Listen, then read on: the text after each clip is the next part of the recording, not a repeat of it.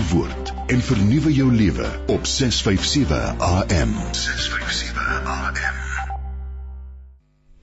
'n Hartlike goeiemôre en baie baie welkom by Met Hart en Siel. Ek is Christine Ferreira. Dis Dinsdagoggend en ons kuier saam tot 11:00 hier op Radio Kansel en Kaapse Kansel.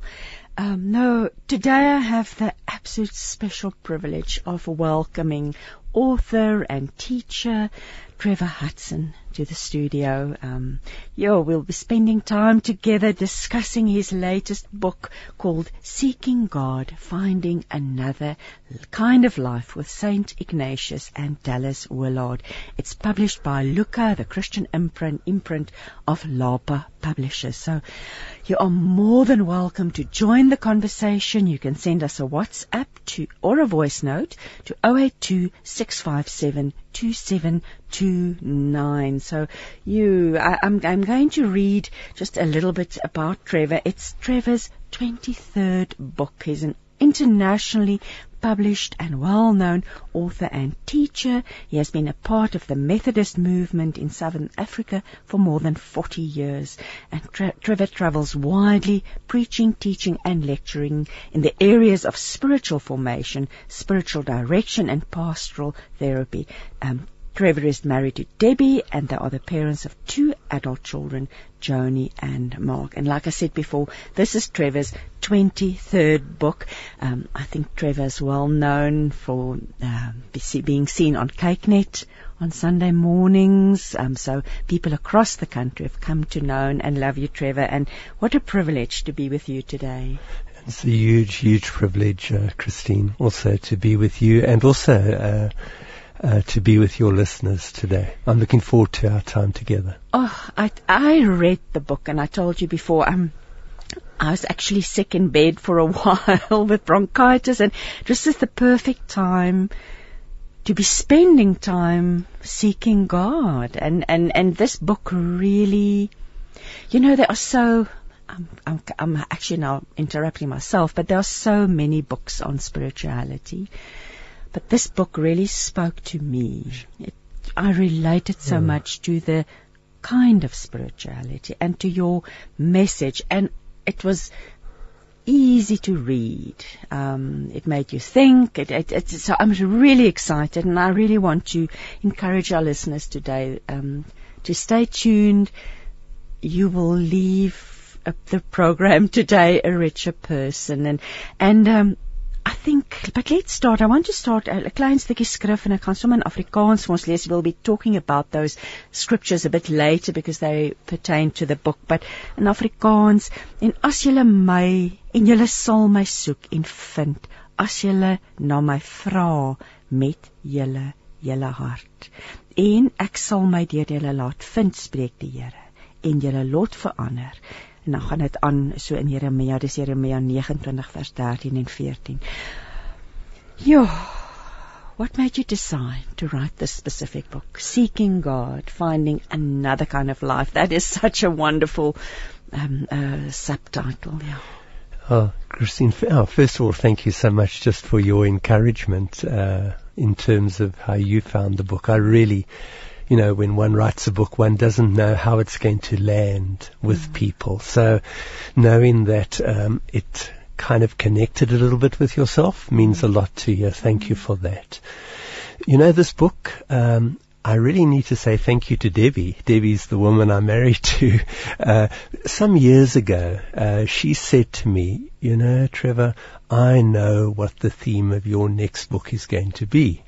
So I was rather interested because she doesn't always read my books. So I thought, I wonder, I wonder how you know what mm. my next book needs to be. And she said, I think your next book's going to be about seeking because, uh, I've known you for over 40 years and I've always known you to be a seeker. Mm. And I'm waiting now for you to write the book, uh, that you've been living, uh, for so many years. So I need to really say thank you.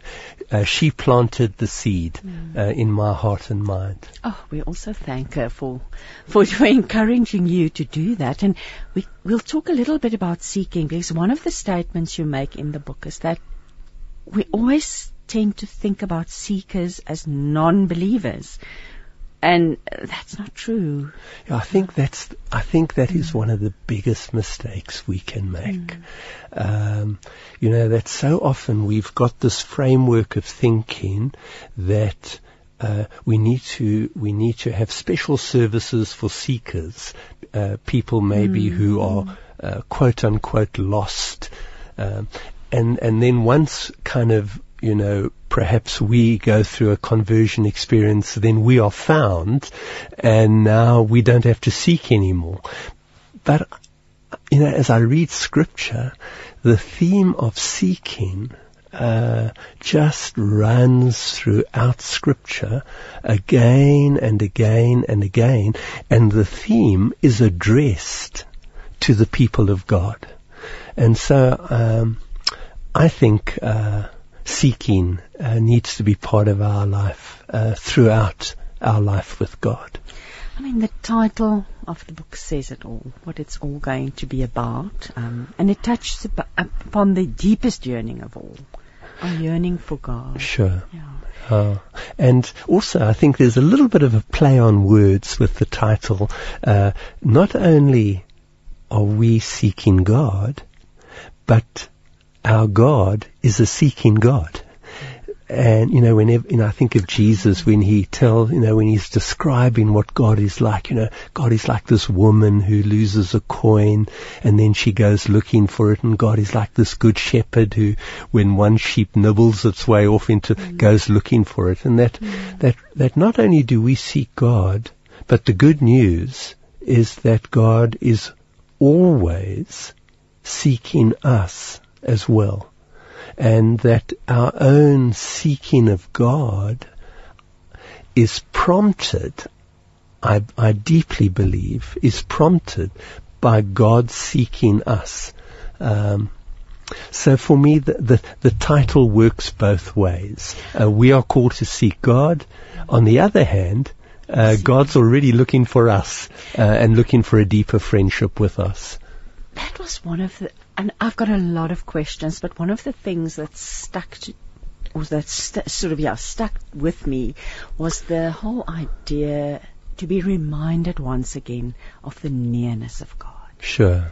You know, so, and now what you're saying, He's looking for us. Right. Yeah. Just a reminder of His love. We, right. We, and we do tend to get lost, like right. the sheep. Yeah. You know, yeah. follow our own right. way. Yeah. Um, you know, there's that lovely, and I don't want to just, you know, uh, kind of bombard your listeners with uh, lots of scriptures, but there's that beautiful passage in Acts chapter 17 where Paul is speaking and he says, you know, in God we live and move and have our being, and that God is not far from us, and those who seek, seek God will find God. That, that, mm. that the, the sense of God's closeness and God's nearness. And there are actually three scriptures that you refer to in the book. I've read Jeremiah.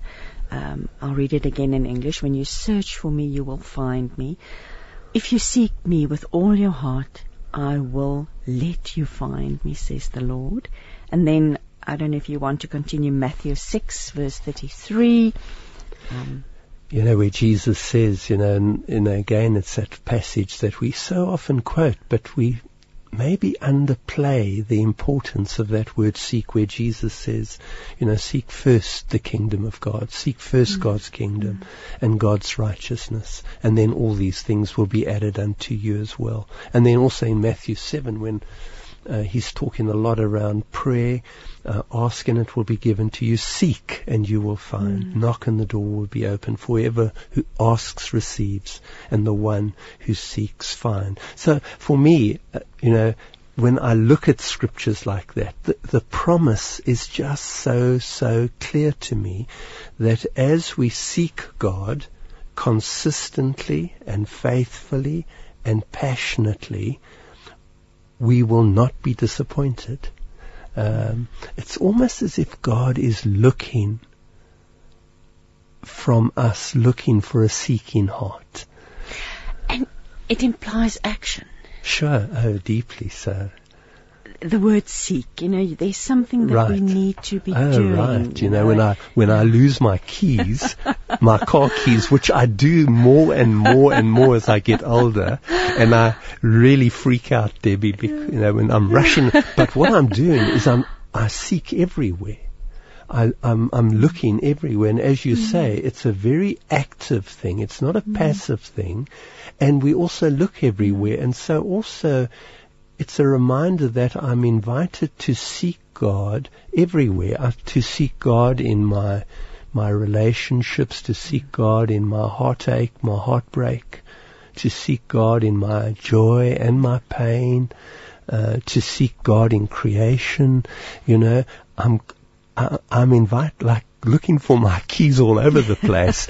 um, I look for God and seek God uh, all over the place, and, and, and just for me to enter into each day of my life as a seeker. Lord, I really want to seek you today. I want to look for you, and I want to look for wherever you want to encounter me. And I'm not sure where that's going to be, but I want to bring uh, to my day, I want to bring a seeking heart so that um, so that I will be open to however you want to find me today. It's a wonderful approach to ask, to invite God, and to say, actually, to verbalize these words. Sure. Yeah. We're going to delve into the book, um, but let's talk about the structure first, because Right. uh, yo, we, it's it's a, it's an fascinating and interesting. It's an interactive book as well. It's not just reading and Sure. receiving, but tell us more about the format. Thank you. Oh, thank that you would for be that. lovely, I think, to explain Thank to you. our listeners. Yeah, Uh, sure. Thank you. Very, very simple format. Um, the as I say in the strapline of the book, it's about finding another kind of life with Saint Ignatius and Dallas Willard. And these two Christ followers come from different centuries. You know, Ignatius comes from the 16th century, Dallas uh, from our own century. They come from different backgrounds.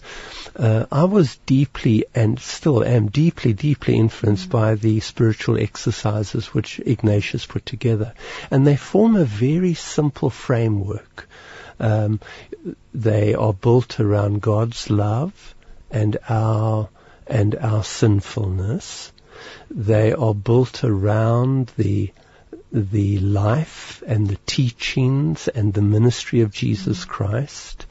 They are built around the death and the resurrection of Jesus. And so the book is structured around that. It has that flow. You know, um, uh, it it starts obviously with what we are looking for, what we are Yeah, seeking, and yeah. the promise of another kind of life, and then a deep look at our, the importance of the need for for repentance, um, and then you know really getting to know and to love and to follow Jesus, and then sharing with Jesus in terms of his own suffering and death, and then experiencing also the joy of uh, of, of of his resurrection. So it follows. Broadly speaking, it follows the outline of the exercises themselves. It, the, the exercises have almost given me a template uh, for the book.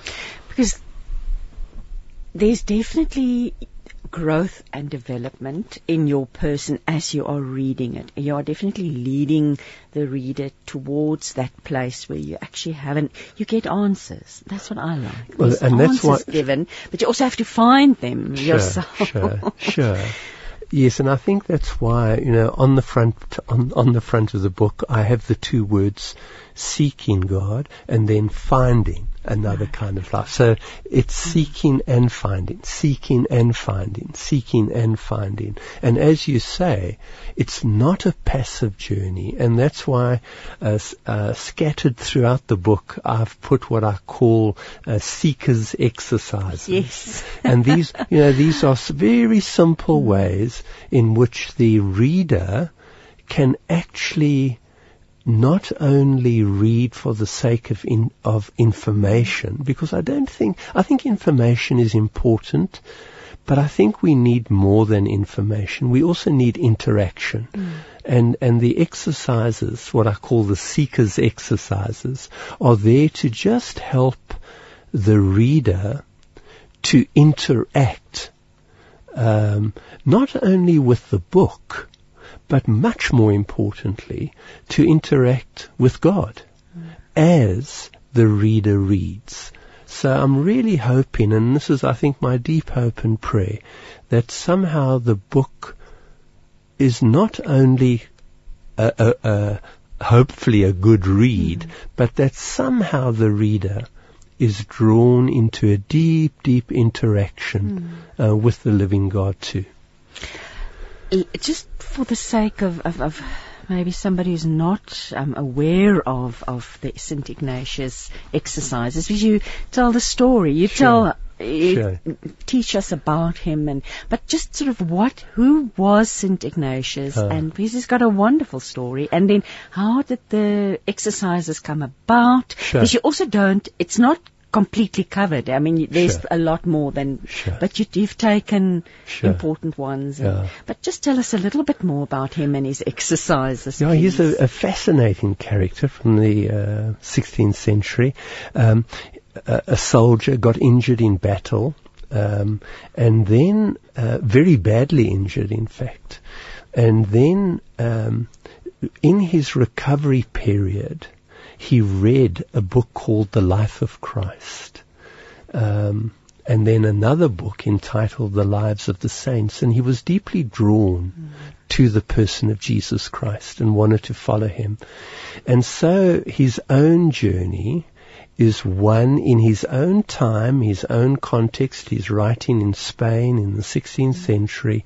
Um, he goes on a journey of following Christ, and he makes many mistakes along the way, which he's very honest about. But the the wonderful thing is, is that he reflected uh, on his own seeking journey, and out of his own reflection upon his own life he puts together what we now know as the spiritual exercises of Saint Ignatius.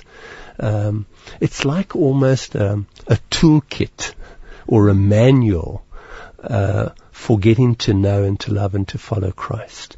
And and obviously, because the exercises are written uh, in the 16th century, they obviously have to be uh, very sensitively adapted to our own context today. Um, but you know, the proof is in the pudding, as it were, because uh, you know they've they've been around now for just on 500 years, and they draw people from all backgrounds. And I, in fact, I tell the story of the actor, uh, Andrew Garfield, who gets led through the exercises because he's going to play the, he's going to play the part of a, of a priest in the movie. I think it's, uh, the movie, I think it was called Silence. And, um, and has a, a, very deep, deep experience of Christ in his own life. And that is the power of the exercises when they are adapted mm. sensitively and well um, to um, to our own to our own background. We're not living in the you know in the 16th. we live in the 21st century. Uh, we come we come from a very different background to Ignatius.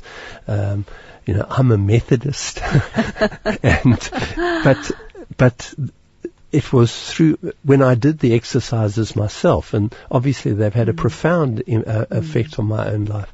I did them in uh, 1990, which is just on what is that 30 years ago? Mm. I can't believe it, and um, they had a profound effect at. Um, uh, kind of in terms of how I, from that time, lived out my own pastoral calling. So I'm hugely indebted to them myself. And um, so while the book is, I'm not taking people through the exercises no, in no, the book. No. I need to make that very clear. But what they do do is they just offer a helpful framework mm. for our own seeking journey. Um, it gives that spark. I hope so. It gives I- that spark to encourage you because also if you're really interested in doing it, I mean, you can either it can take up to a year Sure. because you you also explain in the book, um, and there are people offering Sure. uh, people who specialize in Right. spiritual direction, but using these Right, exercises. right. So we get a taste of it. I think so. I hope I, I, I do hope some Yeah. people's appetite, Yeah. you know, gets whetted. Absolutely. Uh, and uh, And we're going to talk about some of the aspects of it as we go along, but sure. how amazing and and and I want to I want to oh, I've got so much to ask you but how amazing that it, we can still use it today No, like you said if we absolutely, sensitively adapt it to Right. I don't know I think I've got the question somewhere but the whole thing about finding another kind of life and I want to Right. see yeah we'll get to that later because that I think is so important as well in the context of the time we are living Right. in because life has changed dramatically Deeply. around us Right. and I think we we sometimes maybe if you're a little bit older, I don't know if you, but I think even younger people battle with this new life that's been presented to us. Right. Sure. Um, so that the comfort of that there is another kind Right. of life. I find that so Right. important. Well, I'm in debt there too, Yeah. as I think I make very clear to a, a dear friend of mine who was a recovering alcoholic.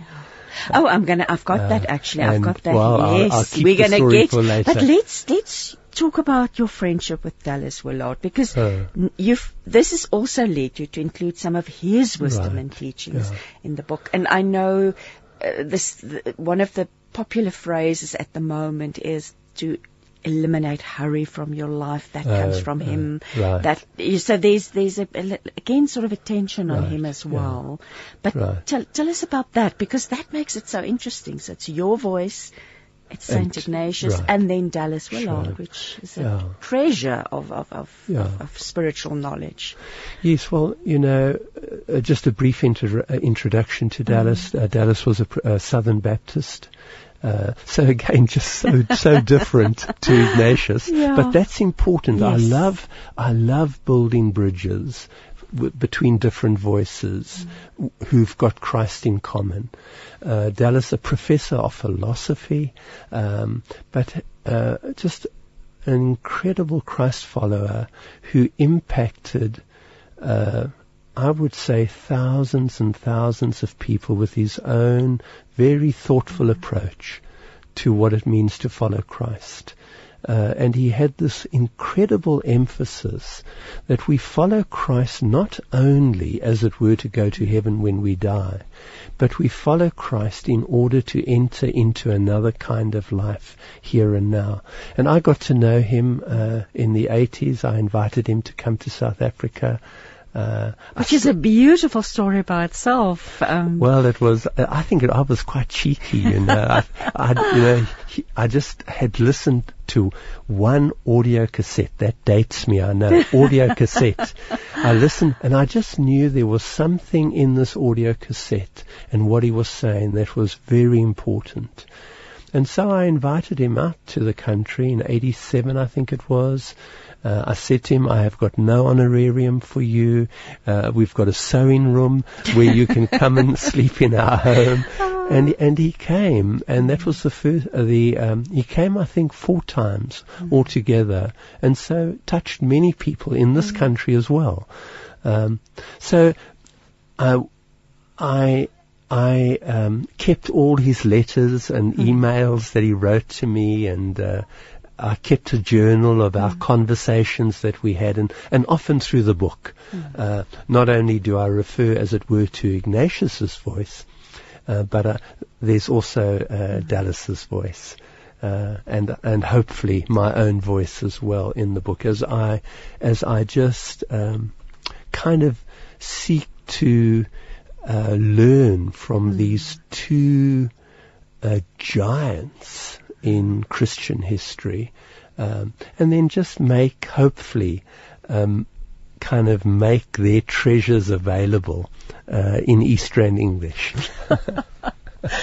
I said to you before, as I was reading, because I've listened to you on on the pulpit or, spe- or preaching many many times. I could. It was as if you were reading the book to me, and I found that so different and wonderful. But let's talk about seeking and finding another kind of life. To me, it feels such an important statement. Sure. Um, but uh, tell us more about this because there's also, like you said, a backstory to there this. There is a backstory, yeah, isn't it? With a recovering alcoholic, a very dear, very dear friend. I had lunch with him, I think, once a month for over 20 years. Uh, he died a few few years ago. Uh, his name was John. And he, he, he told me the story of the very first visit that he made once uh, when he was recovering from alcoholism, uh, he went to go visit uh, uh, uh in Boksburg North mm. a couple who were struggling. And he tells the story, and I tell the story more fully in the book. Mm. But as he walked into the kitchen to sit with this couple, uh, and their lives totally, totally devastated by the addiction, uh, to alcohol. He really didn't know what to say to them. And as he sat down, a little phrase came into his mind, and he said to them, It doesn't have to be this way. And that's a very powerful mm-hmm. statement because he was suggesting that there was another kind of life available. Mm. And I think you know, there's so many times I think we need to have someone come to us in our own, um, we go down th- so many dead ends. Uh, we struggle with so many attachments and addictions, the pain of our own broken relationships, the pain of our country. Yeah. Um, and I think the good news is, and it really is the good news, is that it doesn't have to be this way. It can be different. There is another kind of life available. And that for me, you know, is the heartbeat of the gospel. That Jesus, you know, Jesus said, I've come to bring you life. I've come to hmm. bring you another kind of life. And that for me has always been my deepest, deepest attraction to Jesus is that he meets me where I am, wherever I am, says to me, it doesn't have to be like this, and then invites me into another kind of life. And then I seek, as best as I can in one chapter, to really tease out what this mm. another kind of life looks like. I think that's one of the most powerful sentences in the book. It doesn't have to be this way. And I know that there are many listeners listening today that can relate to that. Because it, it doesn't necessarily involve addiction. It involves, like sure. you said, uh, absolutely. Right, rightly so, so many things. Um, Sure. It doesn't have to be this way, and so so so encouraging. Uh, it is a it is a little sentence, hey, that uh, really communicates a very deep hopefulness mm. yeah. uh, for our lives. Yeah. yeah now there's a listener, and, and it's sort of, I think this answers the question as well, and she's asking for prayer for somebody, and I, I just want to say, it doesn't have to be this way. It doesn't have to. We all, God is there, Jesus is there to invite us to be with us. But let's listen to music because we still have a lot to talk mm. about. We're going to start with uh, a song called Be Thou Near to Me very aptly. Hmm. and it's sung by Seela and Jim, Jim Breckman. Let's listen to some music. Hoor die woord en vernuwe jou lewe op 657 AM. 657 AM. En jy luister dan met hart en siel. My gas in die ateljee vir oggend is Trevor Hudson. Ons gesels oor sy boek Seeking God: Finding Another Kind of Life with St Ignatius and Dallas Willard. En Annetjie vra, is die boek uh is hy wel weer die titel gehad het en is dit in Afrikaans beskikbaar? Ehm um, sy wens ons 'n geseënde dag toe aan al die luisteraars ook. Annetjie Trevor Not yet. Shall we say not yet? Not yet. But she, but she can make contact with the publishers and maybe yes. tap them on the shoulder. Yes, and see if it can be translated. Um, um, but I must. It, it, it, reads. It reads easily. It's. It's not a. So. It's not a.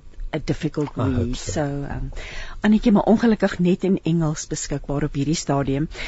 Trevor, I want to go to the prayer on page 15. Hmm. Um I mean I just stopped reading and I said to my husband, I have to read you this prayer. Sure. Um, It was a prayer that uh, the very, you know, the very first time I invited Dallas to come to the country, and uh, I think his first meeting was, I think, with seven of us uh, for uh, for about two days because no one really knew him, um, and he prayed a prayer, and it it's just was so powerful, and I kind of start the book with it as well because it gives it gives the reader a little glimpse into the heart of Dallas, um, and it also describes the life, uh, this other kind of life.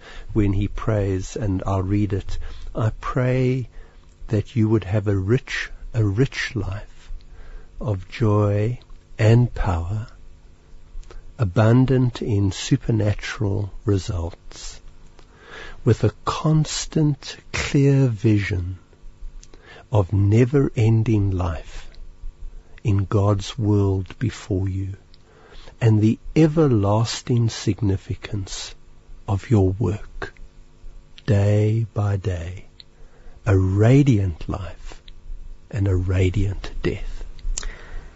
Absolutely beautiful. Mm. The book, those words have, What? uh, have touched me very deeply, and each word carries, you know, so much meaningfulness as well. Absolutely beautiful. And that now leads us to chapter 2, where it's all about seeking the life that God gives. And that's so important. I mean, the whole title, that, that life that God gives us. Um, you discuss and you talk about, uh, um, that was new to me. I've, I must Oh. say, I've never, the, the Zoe life, Right. which is, well, the God kind of life, Right, so sure. to speak. But would you like to elaborate? Because you, uh, you speak extensively about uh, that in the yeah, book. And this is the crux. This It is the life yeah. that we're looking for. Yeah. Well, you know, in, in the New Testament, which is written in Greek uh, originally, uh, there are two words for life. Uh, there's the one word which is bios, which is our biological life, um, uh, our, as it were, natural life, and then there is our zoe life, uh, Z-O-E. Can I quickly interrupt you? Somebody's Yes. got an urgent question and asking, are you talking about Dallas Willard? yes, indeed we are, uh, Llewellyn. We're talking about, I'm talking to Trevor Hudson and we're talking about a book that is written and of course he's had a very, very close friendship to Dallas Willard and Dallas's teachings are incorporated in Trevor's books. I don't know if you've just tuned in, but it is the Dallas Willard that we are talking about. Yeah. Sorry, Trevor, No, I've interrupted. no, So not at all. Oh, no, life. you, please. Uh, I find sometimes people say I have to rush off, No, and no, so I don't. sure. Li- I I'm don't so like to glad. keep the listeners waiting Sure, if they have a question. Well, and just to say very briefly that you know in the New Testament there are two Greek words used for life. The one word is bios, which simply means to our biological natural life, and zoe life, which is uh, eternal life or God's God's kind of life. And I think the big mistake when we talk about Zoe life is we think eternal life refers only to life after death. But that's not the way it's used uh, in the New Testament. It refers to us discovering here and now God's kind of eternal life. So there's a sense in which we're entering into God's life on this side of the grave as well. Uh, and I think sometimes we have uh, missed that emphasis and we, we often think of eternal life uh, only as referring to uh, life beyond the grave. And there's, it's, it's got different implications. I mean, you deal with Right. all um, uh, what it's all about. Um, um, I kind of tease it out, you know, because I think it can get lost uh, in a. I think so often we use religious words without, you know, what, what do we actually mean when we say eternal life or God's kind of life? And I, what I do is I just kind of tease it out, and I, I talk about it as a deep intimacy with God. Um, a new kind of relationship with those around about us. Um, that's what I want to ask you. I mean, it begins with seeking the life God gives. and what does this life really look Sure. like? You know, from your perspective, Right. because you do tell us in the book, and it is a different kind of life. I think at its heart, at its heart, there is a new intimacy uh, in our own friendship with God. I think that is a critical ingredient uh, of this new kind of life. It's not the only ingredient, but it is a critical ingredient, and there are other ingredients as well. Um, and for me, some of those other ingredients refer that, that when I enter into this new kind of life with God, I'm also entering into a new kind of life with other people. Um, I'm also entering into a new kind of life in which I begin to change. Um, th- th- that God, as it were, meets me where I am, but never leaves me as I am. That that there's a sense in which, as this life enters me, I gradually am transformed by God's Spirit. And then also, I think it's important to say that it's a powerful life. Uh, that we are given a, a, a new power resource um, in our own daily lives as we face immense challenges and and crises each day, all of us. And and that ultimately also it's a life in which death is destroyed. Uh, de- death is not the end. Uh, that as we enter into this new kind of life, it's a never-ending life uh, in God's world, on this side of the grave and also on the other side of the grave. You also refer to it as a shared life because we f- so we have a new we, we rediscover our calling once we start living this way. Right, that, that, that when we enter this life, um, the, the picture I I always have in my mind is that when I enter this life, when, when I kind of open my life up to Christ and this life, he kind of brings his family with him. and so I find myself in a new community of friends that I didn't have before. And it's in that, it's in that community that I begin to discover also, um, the way that Christ is calling me, uh, to live this one life that he has for me. I'm going to read a little piece from. It's still we're still in in the in in the chapter about seeking God and talking about the life that God gives. You also say that it's a transformed life. So it's a shared life. It's a transformed, indestructible, powerful. But it's so beautiful when you, when you say. As this slow work of inner transformation takes place through grace and through our own cooperation with the Holy Spirit, we begin to participate in the life that God makes available in Jesus Christ. We discover that we do not need to get stuck in destructive ways of thinking, living, and relating, and real inward change can happen. Because I suppose that is also the purpose of the exercise, Right. that inward change. Right. I think, and it's to hold these two together. I think so often we want another kind of life, but we want to stay as we are. That's the easy way out, yes, You know. and it won't bring change about. And that's uh, Yes. so. And so we really need to hold these two ingredients together. On the one hand, there is a new kind of life of rich joy and and uh, supernatural results, uh, but but we enter that life as we allow Christ to change us, and and we so we need to hold the two together. Um, and it's as change happens in our life, and it happens very slowly. It's it's not microwaved, uh, drive by. not drive by. It's kind of three steps forward, two back. We stumble, we fall, we get things wrong, but slowly Christ is changing us from the inside out. And as that change happens, we find this other kind of life. So the two go together, and I'm so glad that you've spotted that. You know, you've you said you've you've been a seeker all your life, and um, we become complacent. So I want to ask you, why is it so necessary to keep on seeking?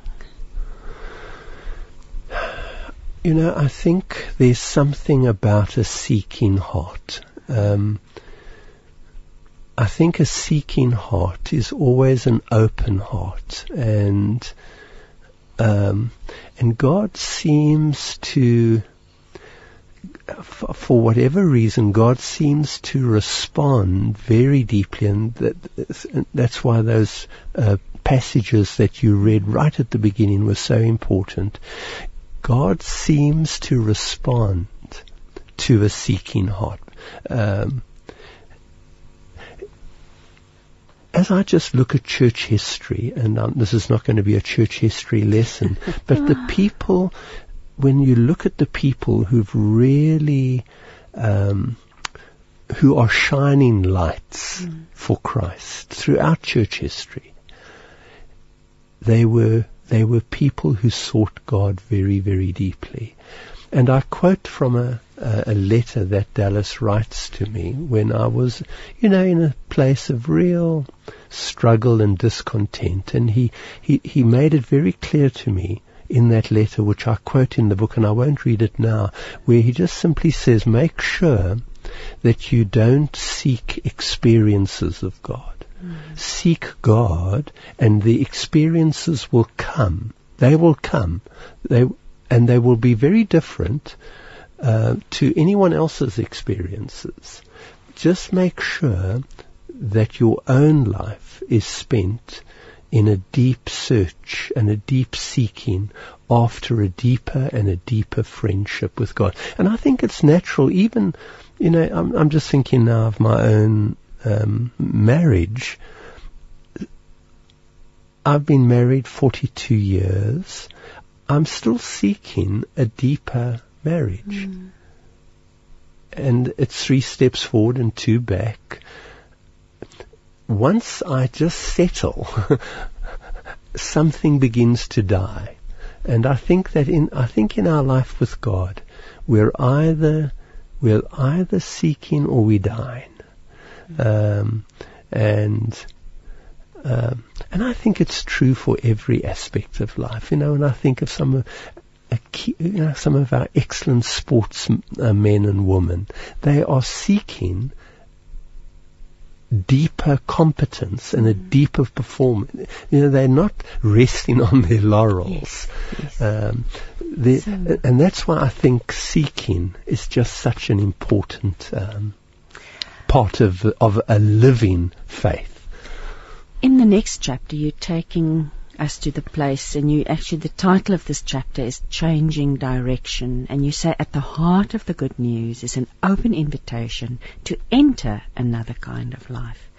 And the risen Christ invites you and me to turn toward Him and discover the life-giving difference He can make in our lives how do we change direction? How do we actually um, do that? And, and and here you deal with repentance because you spoke about that earlier. That right. Dallas, that way right. he was, he had a great awareness of that as right. well.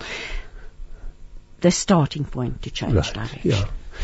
Well, that's a wonderful, a wonderful question, Christine. And, and again, you know, the, the, one of the first words on Jesus' lips was the word repent. Mm. And I think tragically, and it's been a great tragedy, it's become a very kind of bad news word, you know, uh, but it's a very beautiful word. it, it means turn into a new kind of life. And I grew up with, mm-hmm. you know, it was like turn or burn. Yes. And that was like negative, bad news. You know, negative it was negative. Yeah. Repent for the end yes. is nigh. Yes. Yes. Now that is, that's not in the Bible. it's, you know, the kingdom of God is at hand. A new kind of life is at hand. Now turn around. It's almost like, and Dallas would often use this illustration. It's like walking down a passage, and on the le- on the one left-hand side of the passage, there's a banquet going on, and the person of the, the the person who's prepared the banquet says, "Go down the passage and then turn." turn into you know it's it's yes. it's good news. Yes, it's not a threat. Yeah. And so I think um, and and this is what I do in the chapter. Um, we enter this life with a deep turning towards Christ. But then I think we make a mistake. We don't only turn once. T- turning or repentance is the doorway into this life, but it's not only the doorway, it's also the pathway. So every day I find myself turning in a deeper way to Christ. So even this morning, uh, I was sitting sitting outside waiting for you. It was a time again just for me to turn, um, to turn towards Christ again, to to turn towards um, His own um, call in my life. Uh, uh, so what I what I try do in that chapter, and I hope I do it, is that I, I offer an understanding of repentance, turning, as a way of life rather than a once and for all experience. So turning, we keep on turning uh, throughout our lives uh, towards Christ. And then, I th- I- if I remember correctly, my own book, that ultimately it's an experience of deep joy. Uh, that repentance leads us into an experience of deep, deep, deep joy Because it brings freedom. because we're we're entering into a life of greater freedom and lightness. Yeah. And then, of course, knowing that we are beloved sinners. Very important. And you refer to the beloved charter Sure. as well. Tell us a little bit more about that. Sure. You know, um, the deep truth of our uh, identity before God, on the one hand, is we are bent or broken, we are sinners, but on the other hand, the, the much greater truth is that we are also deeply, deeply loved. We are beloved sinners. And and many of us, I think, are not in touch with just how beloved we are. And I offer an exercise, um, which is in the book, of of forming a beloved, of just writing out one's own beloved charter, whereby we we, we, we look at those scriptural sentences and we will all have our own favorites. And we personalize them uh, in terms of our own life. And I did that for myself. I think I must have done that over 20 years ago, and I've still got my own beloved charter, which I go back to again and again. Um, and it's one thing just writing it on a piece of paper or putting it, you know, on the computer, but it's another thing when I really allow the Spirit to take these words and take them on that long, long journey uh, from my head uh, into my heart, so that deep down I come to know, I come to know that I am profoundly loved. Still in this chapter, something that really struck me was um, you say that the spiritual exercises invite us to ask God to show us the nature of our inner disorder. because I, for me, that inner disorder actually stands between me and a deeper friendship of God. Sure. Just elaborate a little Sure, bit on that, sure. because that really struck me. Because I think we live in a time of also external disorder, and which translates back into your Right. your you know your being. Right. You know, and I, uh, at one level it might sound a little bit crazy that we're asking Christ to show us our disorder. yeah. But he loves us. It's it's like we're going to someone who wants to uh, who wants to heal us, who wants to make us more whole, and we're saying to him, Lord, will you just put your finger on where I need healing and where I need where I need to just pay attention. And I think Christ will always do that gently. Uh, uh, and that's and that's why Ignatius uh, makes a real thing about this. He, he he he suggests that we ask Christ to just show us maybe those areas of our own life uh, which need healing, which are broken, uh, which break God's heart. Um, and because it's Him doing, because it's Christ doing the pointing out, it's not a depressing thing.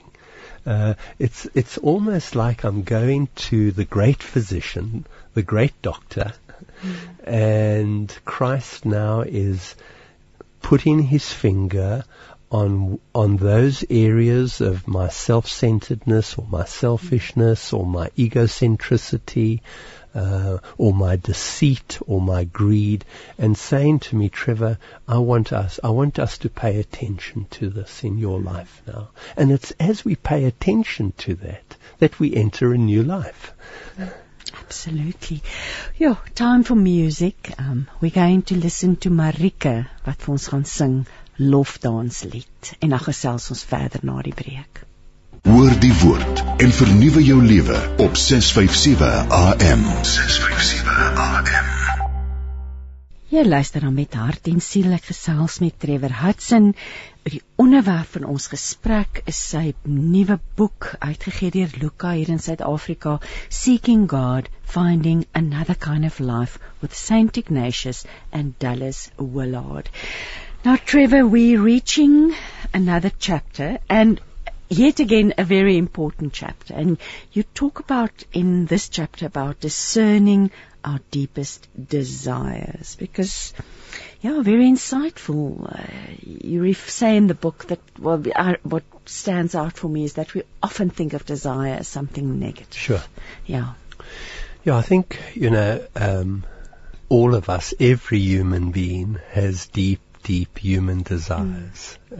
uh, deep longings, deep yearnings. And um, I certainly uh, grew up in a church tradition which really had a bit of a negative view on desire. And obviously there is a dark, dark side to mm. desire and it, desires can take us down all kinds of unhelpful pathways. But desire is all, desires can also be God given. Mm. And some of our deepest, deepest desires, I think of the psalmist, you know, that he will grant the desires of our heart. Mm. Um, some of our deepest, deepest desires and longings can lead us towards God. Um, and, and, and what I try to do uh, in that chapter is to see how some of our deepest, deepest desires correspond to the kind of life that God gives us. Mm. Um, you know, for example, we we we deeply desire to to know God, and that's part of the that's part of this uh, different life mm. that we deeply desire um, uh, to be a new person, to know tr- to know freedom and lightness, that's what the new life is about. Um, so, so many of our deepest, deepest desires, when we pay attention to them, um, can lead us in a Godward direction. And so I do devote a whole uh, chapter to that, and I invite the reader also to pay attention just to some of their desires so that they can bring those mm. desires. And sometimes we need to sift through them to get to what our deepest desire is. Sometimes our desires are so superficial.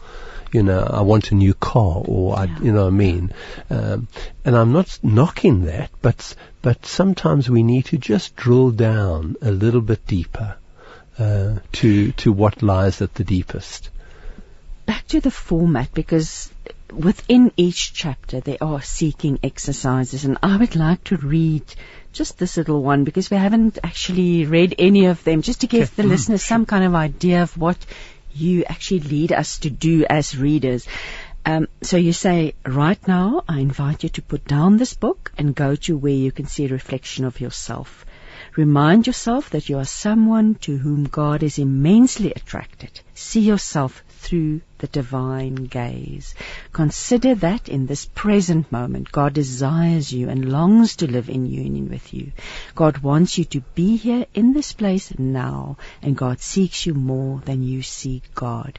As you reflect on God's passionate desire to live in friendship with you, what do you find yourself thinking and feeling? And so it, it carries on. So you, I must say that part of standing, seeing a reflection of ourselves, is very difficult. Sure. Um, but you lead us, so sort of with that intertwining of, of the exercises with the wisdom, with what Dallas Willard says at all, but just to recognize that, you know, these desires are, and, and, and, uh, you know, they're positive and that we are allowed to express our wants. Sure.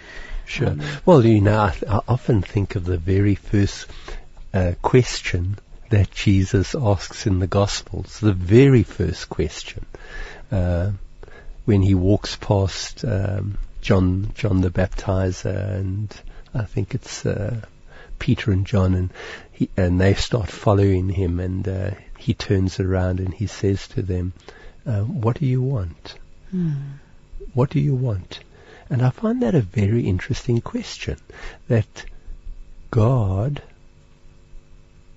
is interested in what we deeply desire. And so I, am learning, and really I'm learning to really stay in touch with some of my deepest, deepest longings, um, and to and to bring them into my friendship with God. I'm not going to get everything I desire, uh, but I do know that through my desires and through my deep longings, God is going to lead me into this life that God wants to give me.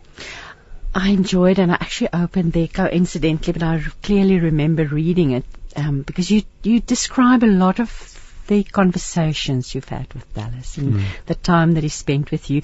And this struck me at, at this point of my life. Um, you said there were three conversational snippets um, in your oh, journal yes. that stood out, or, yeah, because you, like you told us rightly, you, you wrote down what he said. Right. And the one is, you say, out of the blue, Dallas stopped and turned to me and asked, how many years do you still want to live? Please tell us a little bit more about that because yo, that's that's a loaded question. uh, absolutely. Yeah, and I know exactly where we were. We were walking at Homestead Dam in Benoni amongst the ducks, and we were just talking about life and what we wanted from our lives. And he just went, he just uh, he just turned around and said to me, Trevor, you know how mm. how long, uh, you know, what are your desires in terms of your life? How long would you like to live? Mm. And and I think he he was just again putting me in touch with my longings, mm. and then I bring my longings to God, and that doesn't mean I will always get what I want, but it does it does put me in touch with what I long for in this life and what I'm, um, and so. Um, it was a very surprising question because no one has ever asked me that question. And to say, God, I want to live so many more years. Sure. yeah. You know, and I do have longings, you know, to see my, uh, to you know, to see my grand twins grow up mm. and uh, to be around with Debbie and my kids. But again, that gives direction to your life. Sure, absolutely. absolutely. If you think about these things, sure you know. And invites me to live very deeply Absolutely. in the here and now, yeah. the life that I am being given yeah. in this present moment as, as, as just a sheer gift. Uh, so it helped me to, his question also helped me to embrace my life uh, much mm. more deeply and fully. Oh, we're it's quarter past ten, so we still have a bit of time to I'm talk. Glad. I'm looking at all the wonderful things I still want to ask you, and just again, such a privilege to have you in the studio. I'm speaking to Trevor Hudson. We're talking about seeking God, finding another kind of life. Now, you lead us into the next chapter. It gets more and more exciting almost as you read on, and it's talking about exploring life's greatest opportunity. Right. Um, so we've had the inner reflection, we've mm. moved on, we've right. repented, we've discovered ourselves right. as God's beloved. Right. Um, what is this great opportunity? Well, uh, I, I would see the greatest opportunity that life gives us is the opportunity to come to know and to love and to follow Christ. Mm. Um, and I don't want that to sound hackneyed at all. Mm. But we have this one life and Christ offers himself to us as the doorway and the pathway to this life. So for me, the greatest opportunity is to act, and for me these verbs are very important, uh, to come to know, and that's a lifelong journey, you know, even getting to know another human being takes time. So we don't get to know Jesus overnight.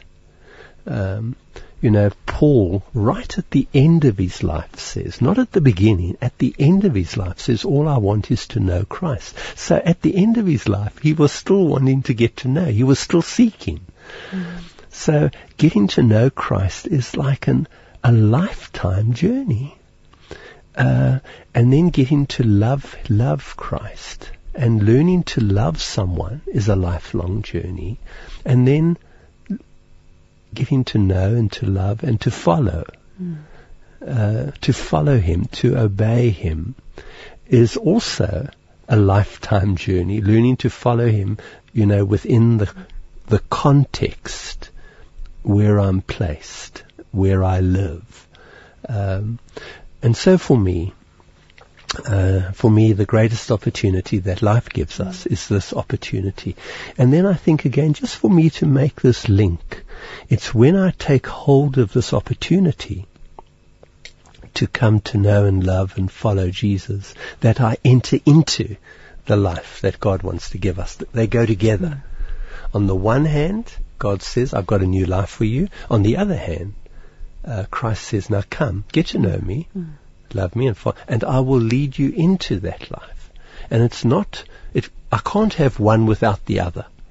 And I think it's very important for us to hold those two together. Mm.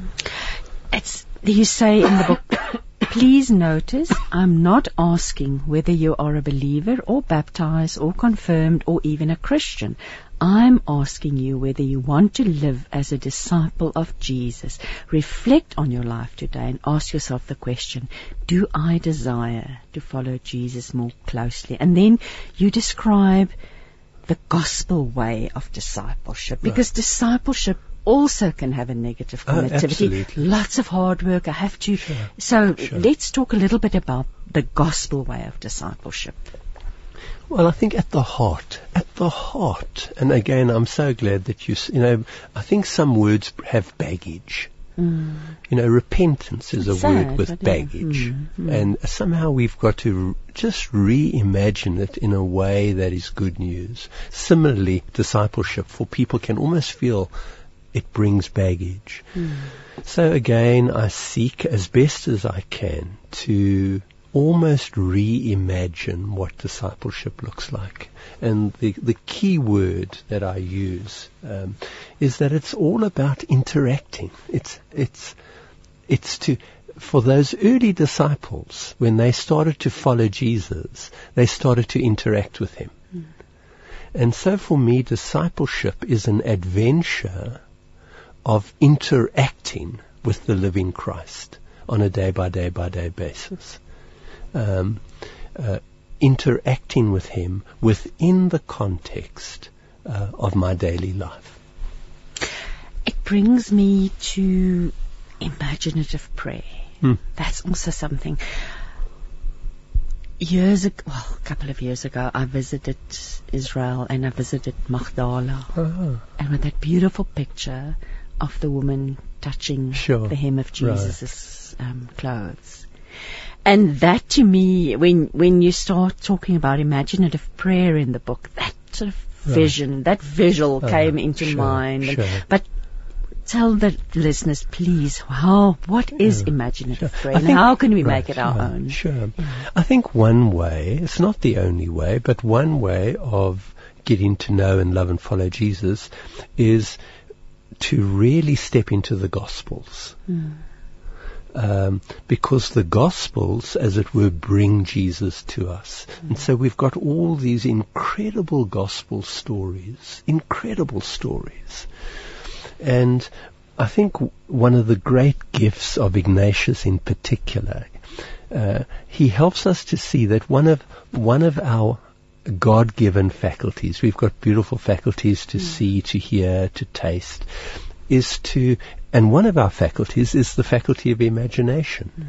And, and to place our imagination, this is not kind of fairy tale stuff. It's to place our imagination at the service of our faith. So one of, one of, one of the most beautiful ways of praying is to step into the stories and to take, we can take years to do this, just to step into the stories um, of Jesus imaginatively, to picture ourselves in the story, interacting with Jesus, and for us to do this in a very prayerful way. Um, and to remind ourselves that when we do this, Jesus is not a dead historical mm. figure. Jesus is the risen Christ who is with me here and now. So, so I'm stepping into the story with Christ who is present with me now and he's going to use the story to touch my life. Um, and so for me, entering into gospel stories imaginatively can be a wonderful way of opening up our lives more deeply to the living Christ, to the risen Christ who is present with us here and now. So it's not me kind of trying to reimagine the past mm and a dead historical figure. I'm with Christ now and I'm going to be with him in the story now. So I might take the story of Jesus, of the disciples on the boat and the storms are raging and I just imagine myself on this boat.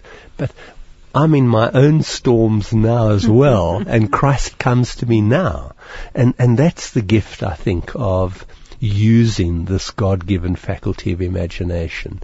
Um, and that doesn't mean we have to have a good imagination, but it's just using our capacity to imagine which is God given, and then letting Christ, the, the risen Christ, um, use the gospel story to touch our lives now. I just keep on now as you speak thinking about how we were raised with the children's Bible and the oh, illustrations right. and the, uh, you know, those beautiful right. things. And uh, as a child, you would definitely put uh, yourself uh, absolutely and, in, into that absolutely, yeah. and that's I think so a wonder. It's almost it's almost becoming childlike yes. again, yeah. and that doesn't mean to say I you know, I blow out my brains, and Mm-mm. I. It's not that at all, mm. but a, uh, it's this childlike capacity and I think you've given a beautiful mm. illustration, Christine, you know, of some of these books that we did have. They mm. just helped us. Those pictures helped mm. us to just enter into the mystery of Christ's love and presence with us now. And to rediscover that as adults mm, again. Yeah, unless we become like children. Yeah. let's let's move on to the next chapter and um, here you quote Dallas Willard and you say Jesus didn't die on the cross so that we don't have to. He died on the cross so that we may join him there. So now we get to the subject of dying to self. Sure. Yeah. Which is a very, very important theme. Um, and again, we need to be so, so careful with our words. Mm. You know, on the one hand, we are deeply loved our life is precious.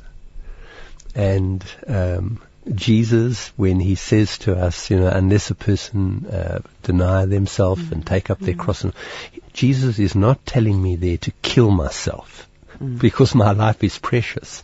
But what he is asking me to do is he's inviting me to die to those parts of my life that keep me from experiencing another kind of life and you know that there is stuff in me that just sabotages my life.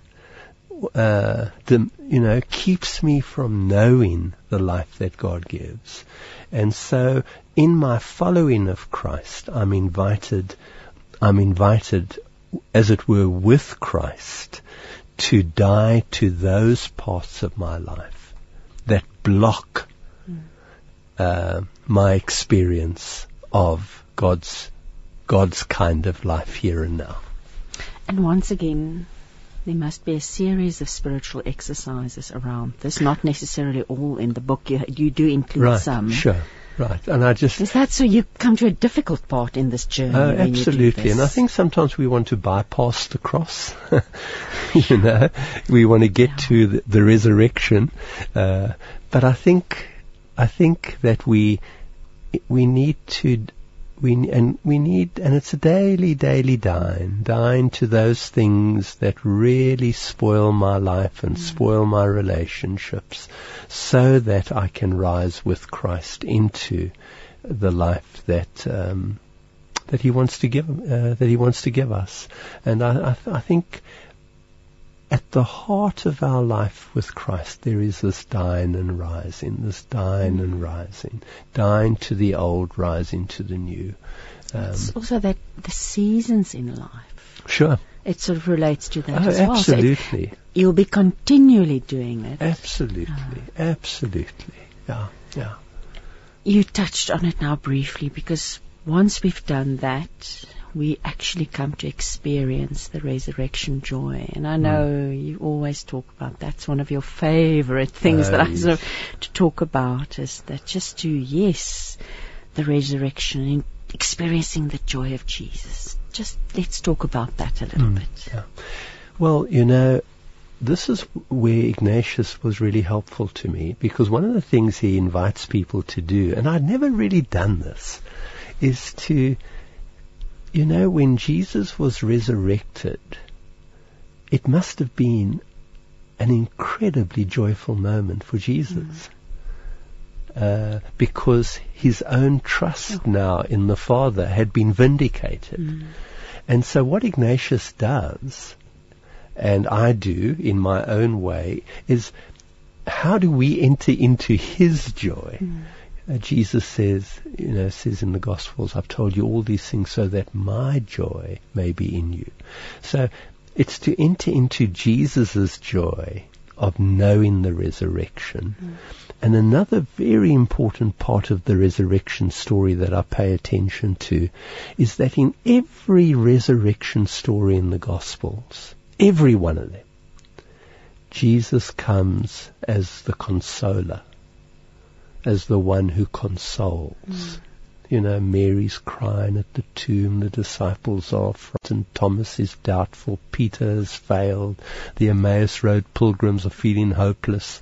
Every time the risen Christ comes, he comes with a profound sense of consolation. And that's why I think the resurrection and narratives or stories have been so important to me. And so that chapter is kind of built around how we open ourselves up to the joy and the consolation of the risen Christ in our own lives and in our own heartache and our own heartbreak. Uh, because I'm just so aware that everyone who reads that book uh, sits next to their own pool of tears. And you, you're right as well. The resurrection of Jesus is God's way of being with us in this moment, wherever we are.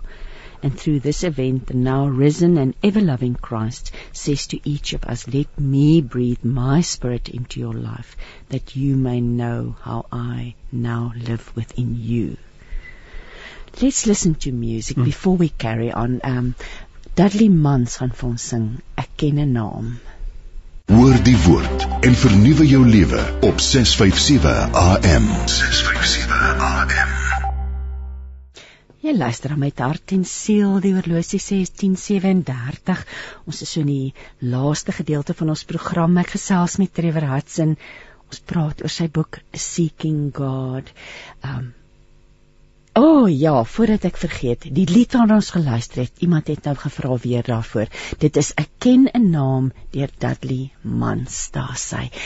Dankie en Paul dat jy my herinner het. Ek het amper weer daarvan vergeet, maar voordat ek en Trevor verder gesels en ons praat oor die vreugde van Christus, wil ek graag hierdie gebed herhaal voor in die boek wat eintlik dui waaroor die aandui waaroor hierdie hele gesprek en waar die boek gaan en dit sê I pray that you would have a rich life of joy and power abundant in supernatural results with a constant clear vision of never-ending life in God's world before you, and one of the and of the everlasting significance of your work day by day, a radiant life and a radiant death. Finding another kind of life. Trevor, we've spoken, we've talked about a lot of things already, and um, for people who have not listened right from the beginning, you include the teachings of Saint Ignatius as well as some of the wisdom of Dallas Willard, a lifetime friend of yours or a long-standing friend, um, into this book to lead us to a place where we actually have this different kind of life. We've spoken about the significance of the resurrection and just before the break, you actually, it's so beautiful because that's also an opportunity for imaginative prayer. Uh, the people who met mm, with Jesus after sure, his resurrection, sure. you know. Um, right place, you know, I just think of Jesus coming to Mary at the tomb and she's weeping. Mm. That as we enter that story, we also have our own tears. Mm. And as Jesus came to Mary, so the risen Christ mm. comes to us. Mm. And sometimes if we just place our imagination at the service of our faith, it, so it's not just, we're not just thinking about it. We're really just having a sense of Christ coming to us in our mm. own tears. And he is the resurrected one. We're not, this is, we're not mm. making anything up. No. he is the resurrected, and he will come in a way in which we will understand that it is him who's touching our life and coming to us. I'm immediately thinking about doubtful, doubtful Thomas. Right, and we can, right, and yeah. we can sit in our own doubts, yeah. and there's a Thomas in all of us because we have our moments when we, you know, question and struggle mm. and, and that as Christ came to him, so Christ comes to us. So the, uh, you're right, the resurrection stories are wonderful opportunities to um, to enter into imaginative mm. prayer. And then the consolate he was the consoling right. Jesus. So that you do, right. you have that sort of wonderful troos is the Afrikaanse word. Right. And, you know, it's sort of, but you you tell the story about during COVID on on Easter uh, Sunday right, when yes. Debbie came into the room. Uh, yeah. Don't you just want to elaborate, please? I want to get to the statement that you make to be an Easter people in a Good Friday world. Right. But let's start yeah. with that lovely story. Yeah. I could just place myself when she came into the room. You know, you know, as you well, when I was writing um, this book, it was also through the time of mm. COVID mm. and we in our own family had losses and heartaches, and it was and it was Easter Sunday morning, and um, and we were feeling, I think, quite deeply, you know, the pain of mm. COVID. We were in living, we were kind of in a Good Friday world, if you know what I mean, and um, and her first words to me on that day, and very quietly, were, you know, Trevor, Christ is risen. Mm. And it was like you know, a light shines with mm. those Christ is risen. We're an Easter people. We are living in the Good Friday world, mm. but we are also an Easter people. And I think for me, I think we're commissioned uh, to be um, Easter people. That doesn't mean we we always we ignore the pain and the heartache and the suffering of our world. That's the reality. We do live in a Good Friday world. But we are also an Easter people. And so I, in that chapter, I, I like, I just unpack a little bit what it may mean for us mm. to be, to be Christ's Easter people today. Uh, uh, so that people through our lives may experience something of His presence and, and love and care mm, so and compassion. Uh, deeply so. Yeah. You then take us to experiencing or, or, finding God in all things because that to me feels also also a lot of things feel so important but just to know sure. but uh, talk us through that how right. do we do it how right. you know because we get overwhelmed um, uh, by what's going on in no, the world or in our own lives sure. so how do we find him I think you know. It, I think it starts with a deep conviction that God can be found in all things. I, again, sometimes we have a faith. I don't know if this hmm. makes sense, uh, Christine. We have a faith which almost divides the world up, and we think, Yeah. you know, Yeah. God God can be found at church, hmm. can be found at our small group in our Bible study, and then, but somehow God is not present in the rest of my life. Hmm. But when you know, when one looks again, just at the, you know, throughout Scripture, the, you know, I'm, I'm just thinking of some texts that just come to my mind, where Paul in Ephesians 4 that there's one God and Father who is in all and through all and over all, that there is a sense in which God's presence permeates everything. Um, and you may remember that little illustration I gave right at the beginning that when we look for the, when I look for my car keys, I look everywhere. Yeah, yeah. That somehow I need to, I need to seek God's presence even in those situations which seem where he seem, where God seems to be absent. Um, and, and, and that, so I'm always looking for little signs of God's love and God's care and God's goodness, even in the darkest of situations, that God can be found um, in sometimes the most desolate situation. But I, and that's where I need help. And so I will ask God for help. God, will you help to see where you are present in these situations, particularly those situations that just seem to be devoid or empty uh, of God's presence. And Ignatius had this wonderful, wonderful sense that that God's presence, God's loving presence, kind of permeates uh, the whole of life. Um, we, however, need to seek that presence. It's not going to. There's a sense, and I want to speak very carefully here. There is a sense in which God doesn't play hide and go seek with us, hmm. but God is not always obvious, if that makes sense. Hmm. There's a sense in which sometimes we need to do a little bit of looking and a little bit of seeking hmm. so that we can see how God is present uh, in in our lives, particularly where we think God is not present. And obviously, He will reveal Himself. If you are seeking, he, that's what He promised right at the Right. beginning. You, That's where the seeking and finding yes, come together. yes. It's not as if God is going to just kind of, you know, knock me over with His presence. Mm. Uh, th- I think there's a sense in which God waits for my seeking Mm. and then, and then allows, just allows me to discover a little bit of, of the divine presence. And then I just want to ask you about also the tangible. I think you write in the book as well that you carry a, a cross in your pocket. Yes. And Uh. that you'll touch it and Uh, you'll just. uh. and I know that people who are going through the Ignatius exercises are also encouraged to Right. have a little tangible right. item, token, symbol. Sure, Yeah, right.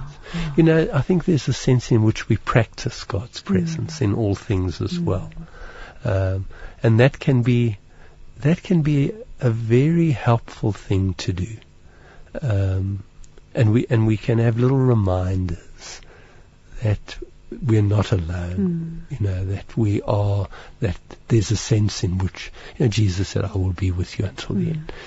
But I need sometimes I need to I need a physical reminder. Yes, yes. Uh, I know a, a, a business person who who leaves an empty chair uh, in his office. And whenever he looks at that empty chair, it's just a little reminder. Now, you might say that's a bit childlike, but yes, it is, but it's important. And it's just a constant reminder that as he's dealing with conflict and deadlines um, and month ends, Christ is present and available uh, to to to companion us, to guide us, to lead us, to help us uh, in whatever we are doing in that moment. that Christ isn't only interested in religious things. you know, that when the plumber is trying to fix a drain, Christ is present and interested and wants to be helpful. I want to get back just to that very first sentence that, or, or not the, one of the first sentences. It doesn't have to be this way, and that that Yeah. yeah, encourages us to know. I hope so, you know. Nolene. I want to actually, let me see. Oh, Nolene's just commenting on one of the other comments here. Um, I just want to remind our listeners, I'm going to give you the title of the book again. And the book is available on the Radio Pulpit website. If you go to our e-commerce shop, you will find the book there. You can order it. It will be delivered to your doorstep. Um, it's called Seeking God, Finding Another Kind of Life with St. Ignatius and Dallas Willard, written by Trevor Hudson. And also this will be available as a podcast towards the end of the week. So if you would like to listen to it again or share it with anybody else, it will be available. Trevor, before I ask you to close in prayer, just maybe a few, just a few last, last words from your side, please. Mm. Well, I think always a big word of thank you to you uh, for having me as a guest. It's always, I know, very risky having me around. no, it's a huge privilege, Trevor. and but also a huge thank you to those who've listened. Uh, and I think my my my deepest encouragement is become a seeker again. I think that would be just become a seeker again, um, and and maybe ask God for some help uh, on the seeking journey. We don't have to do it on our own, uh, and maybe just to say, Lord, will you will you give me a seeking heart again? And I'm pretty sure that as we uh, grow a seeking heart, our our friendship with God, our our relationship with God will come alive uh, with new uh, new possibilities uh, and potentials. Shall we close in prayer? Mm.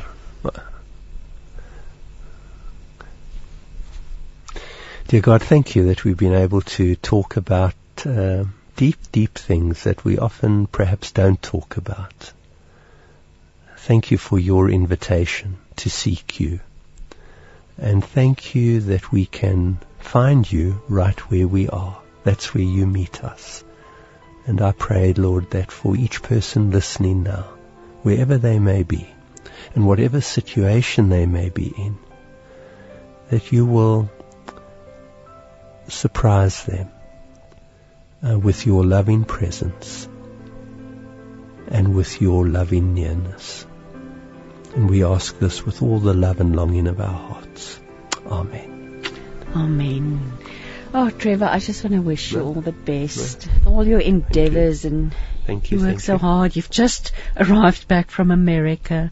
Um, thank you for coming into the studio today. It's been an absolute privilege. And I just pray God's blessing over this book and Mm. that it will change Oh, lives. thank um, you. You know. Yeah, thank you. Um, here's a message, and it says, "Hello, Trevor. It's from Luella, Trevor and Christine. Long time since your Kempton Park days, Trevor. Lovely hearing your inspiration again. Love and God bless." Oh, Luella, I, I can picture so what a privilege it's been. We're going to be listening to music. I want to thank him, Paul Manne, for the technical assistance. We can never do it without him.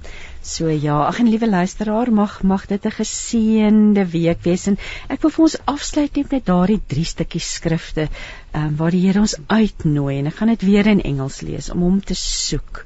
En en soos Trevor reg sê, dit is bemoediging vir ons op hierdie soekpad, hierdie seeking journey, hierdie pad wat ons soek na hom. En dit sê in Jeremia 29 vers 13 en julle sal my soek en vind as julle na my vra met julle hele hart en ek sal my deur julle laat vind, spreek die Here. En dan Matteus 6 vers 33 Seek first his kingdom and his righteousness and all these things will be given to you as well. En dan in Matteus ook baie baie bekend en ek lees weer uit die uit die boek hier in Engels Ask and it will be given to you. Seek and you will find. Knock and the door will be opened to you. For everyone who asks receives and the one who seeks finds and to the one who knocks the door will be open. Mag dit dan ook skrif wees wat jou bemoedig om aan te hou soek. Kom ons luister na Krishna de Bruin wat gaan sing Just a Prayer Away. Tot volgende week dan. Totsiens. Hoor die woord en vernuwe jou lewe op 657 AM. 657 AM.